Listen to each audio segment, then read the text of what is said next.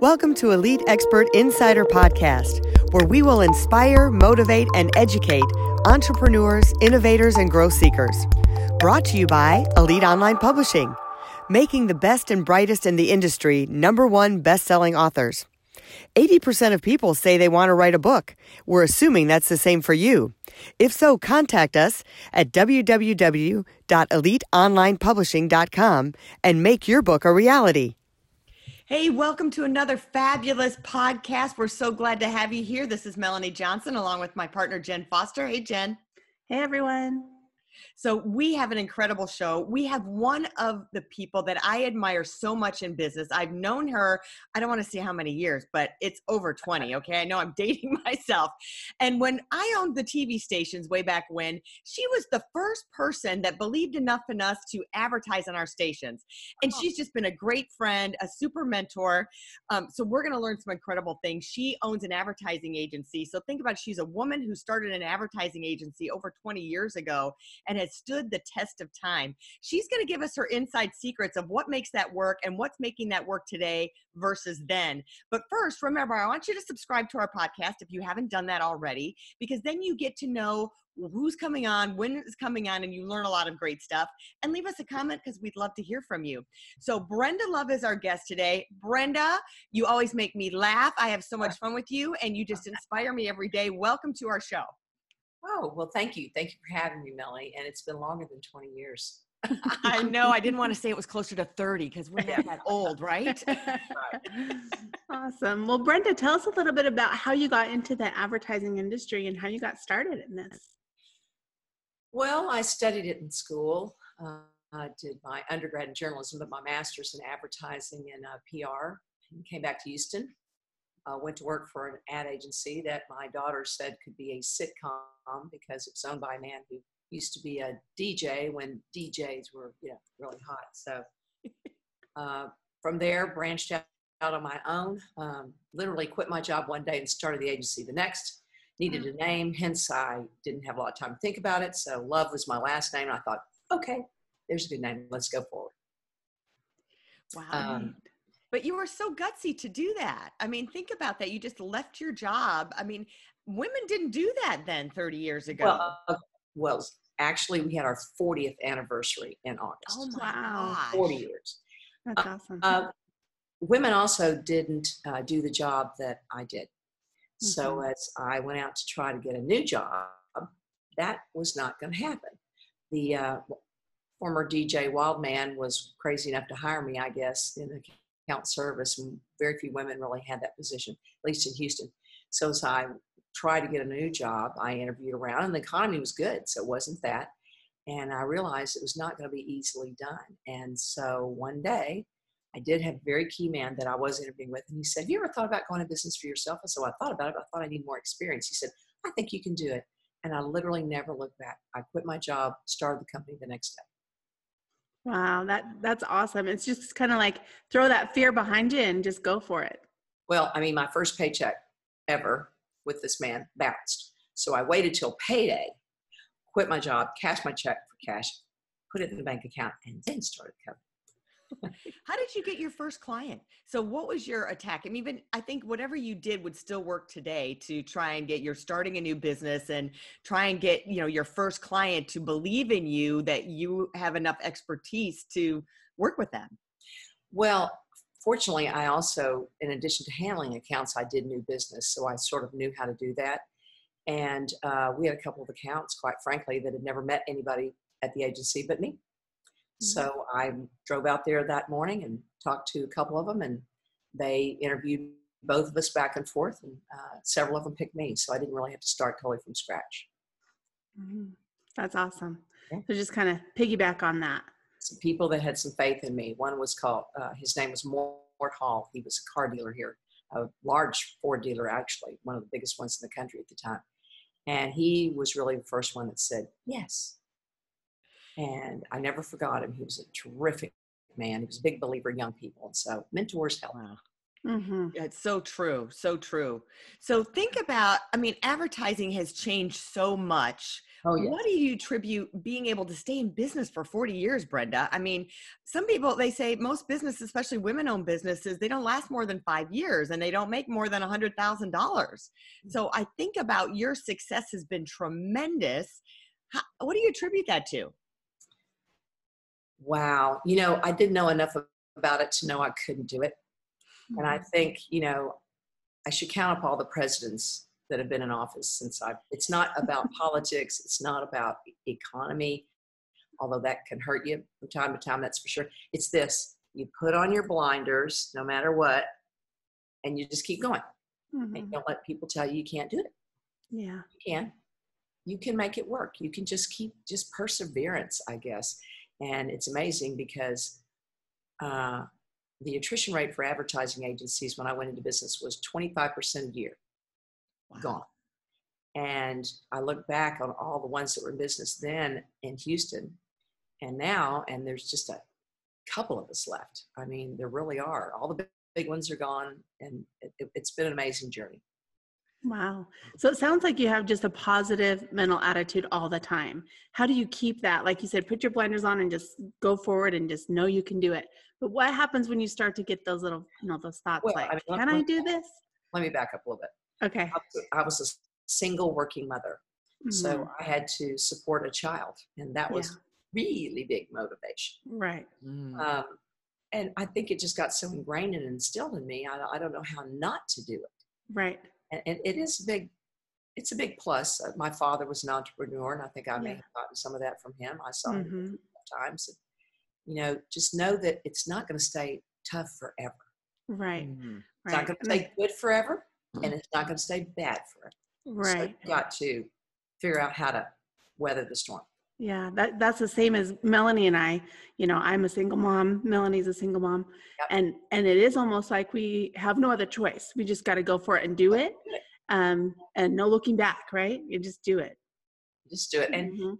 you know i think decision making with age and experience gets easier you have to make decisions quickly when you're an Mhm. entrepreneur and you the, the moment of absolute certainty never arrives never you do the best you can and you live with it and be be able to say wow i made a mistake so what pick Yeah. yourself up and keep going Yeah.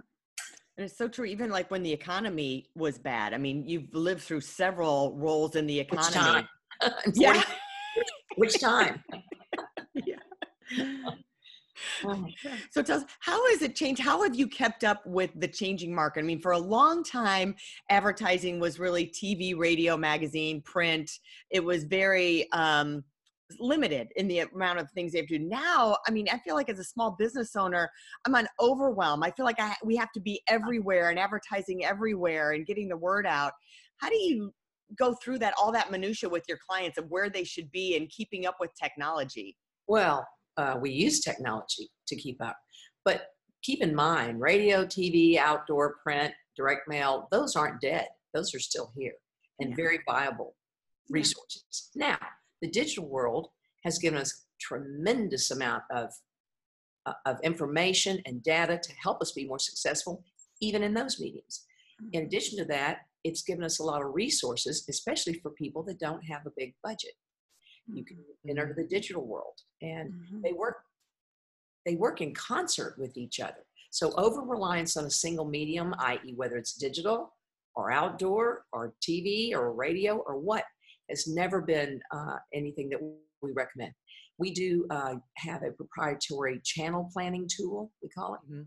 and so the various channels of these various mediums we uh, get a lot of data from our clients and we input it into the channel planning tool along with budgets and targets and everything we're trying to do. It's no longer just what's your target market, how old are they, what gender are they. It's a whole new ball of wax. Lots Mhm. more questions, a lot of more, uh, a lot more information that we can input into this tool, and it will spit out a recommended plan.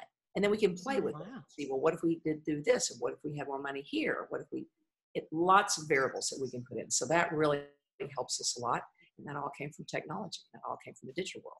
I used to laugh and say, I'd point to the computer when it first came out, truly. And I'd say, look at that thing. it wants to be a television. But what it is in the beginning, what it was in the beginning, was a newspaper Right. information, right? It didn't have video. Okay, I said, but it wants to be a TV, and one day it will be. And Mhm. so it acts as a TV. But we also have OTT, over the top television. Your smart TVs give us so much information about you. And, and uh, so we can collect that data and find out if you watched that commercial and then you went online or then you made a phone call or you did whatever you did. We, you know, we, can measure the, from the call centers to the television. We can't measure radio like that or outdoor, but just pretty much all the other mediums we can. Yeah. Called a data analytics platform. Big word. Yeah. Well, and with all that data, you can really hone in on who your target audience is and how you can market to them the right way instead of wasting the money and putting it in the places where you could you shouldn't or Yes. And wasting the money is a big key today. Yeah. Today, big, and the, the digital world really started this because we could get a lot of information about whether or not you you clicked, for instance, mm-hmm. on something or you visited a website. We still mm-hmm. can. We get a lot more than that. But those are called vanity metrics, and we don't use those. We don't recommend those anymore. We really, Mhm. Down the operator, down the sorry. we really recommend uh, um, a more serious uh, measurement for ROI, and our clients do too. And that is, you know, how many leads did we generate? How many sales came as a result of this? And no longer just, oh, they clicked and they, they read and then they went away. Well, where did they go? right. Mm. Right. That's so interesting. So a small business starting out, like, you know, we use that with our book metrics. Uh-huh. So very similar. We have software that we go through to make people bestsellers and it's not just a shot in the dark. Sure. So really, so when a small company comes to you with a limited amount of budget, like most entrepreneurs, you're trying to figure out who your audience is and you're shooting in the dark. So really having an advertising agency behind you that has all this information and data can be much more helpful. Yes, absolutely. And it allows us to be profitable on small accounts. You know, no longer do you have to have an account that's spending a million dollars. You know, they can spend far less and get good results because we can get very uh, narrow focused on who they're trying to reach and what they're trying to say and do. Hmm So, what's a good budget for a small company that's starting out? Because so many people are entrepreneurs. I mean, you've got my kids are teenagers and they're all looking at going into business for themselves. And so, what is a good budget for someone coming out and brand new in business? That's hard, Melanie. That's really hard to say. I mean, and, and again, the tools that, that you have, uh, just a minute ago, I was thinking, if only I'd had QuickBooks when, when I started my business. I had to do everything by hand, all the old fashioned way. You know, people start, I started my company with $500, literally, back then. So I think you could start a company with little or nothing, depending on what it is and the mm-hmm. difficulty. I mean, if it's something that requires, I inventory people, mm-hmm. brains, right? Yeah. But if you inventory a product or a widget or something has to be manufactured, then you're going to have to have a lot more money. So it depends on what what your business is, what you're selling. Mm-hmm. mm-hmm. And what do you feel about influencers for advertising with influencers? You know, that's changed a lot too. It used to be, oh, we want the one with the most followers and a zillion fans and what have you. Mm-hmm. But people are becoming more and more um, leery about that. Mm-hmm. because they know those influencers are getting paid and paid a lot. So, do they really recommend this or not? I think it depends on the influencer and uh, their background and what they did originally. You know, if it's an Mhm. actor or an actress, uh, maybe, but if it's a yes, I really have credibility about knowing about this product and why. Mhm. You know, I was a beauty expert at InStyle Magazine for X number of years. I know beauty and I know beauty products. To me, that's more credibility. I think some of the, the smaller ones that are actually a lot less expensive have a smaller following and seem to be more altruistic with their audiences and Mm-hmm. have a lot more credibility. So you don't necessarily have to go with the great big ones. Just have to go with the ones that uh, have credibility. Right. Well, and that makes a lot of sense too, because if you have someone who's really focused in on one little niche, but they don't have that many followers, but they but they are the expert and they're honed in on that lipstick or whatever they're doing, whatever they're doing, Exactly. and then that's that's the that's the key right there. Yeah. So, Brenda, tell us a little bit um, about the hiring process nowadays. I mean, there's all this stuff. You and I talked before we got on the interview about millennials, baby boomers, Gen X. Um, so, when you're looking to hire people, and you know, Jen and I, I'm I'm over 50. So for me to go, I mean, thank God I work for myself, but I have women friends and men friends are like, I just can't even get a job. I'm over 50. They want all the young people. So tell us a little bit about different, what you look to, uh, not necessarily your company, but you know, the difference in generations and how they view things maybe in the advertising world. Well, I mean, we have a lot of young people that come out of school and think they want to be in advertising. I always say, give me three years and you'll know whether this is for you or not. But advertising is a really good um, foundation for anything and marketing for anything you go into. Every company needs to market themselves, correct? Mm-hmm. Mm-hmm. So even if it's not something you do forever, we can give you a good solid foundation that you will use, a tool you will use. Interviewing is a process that's, you know, it has changed, but to me, I try to get to know the person. Mm-hmm. I really do. It's not just about what's on the piece of paper. Yeah for younger ones, I, I really do recommend internships when they're in college. If they get out of college and they haven't had a good internship, be willing to be an intern. Get that experience. Mm-hmm. These kids are coming out of college these days with a lot of experience. It's really impressive. Yeah. And I think millennials get a bad rap uh, in today's world. Uh, you know, they think, oh, they don't want to work, or they think this, or they think that. Here's what I think about them I think that we all wish that we had their values I mean, our generation is a lot more materialistic. These young people don't care. If, they're, if they buy a house, that's great, but they're happy to rent because you know taxes are so expensive on a house. Mm-hmm. They they they are happier with a lot less, but that doesn't make them less motivated. They want to be passionate about what they do, and when they are, they will work their tails off. And guess what, people? They're, they're smart. So you're competing sometimes with a millennial that's extremely smart if you're 55 years old and trying to get a job and you're used to making a whole lot more money than they are. You better mm-hmm. learn how to relate to the millennials and keep them happy. Mm-hmm. i think that's great advice.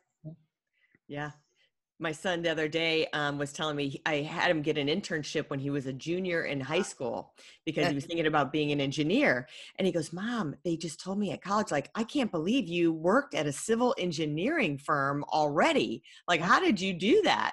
And, you know, so think about, uh, you know, these young kids. It's like, don't just, it's nice to have a job if you're going to work at, you know, uh, a retail store or something like that but think about the bigger picture of how you can get real life experience in the career that you want to go to because sometimes you may decide oh now that i work there it's really not for me. I want to do something else. That's that's real important uh, to mention i think melanie. It's a great point.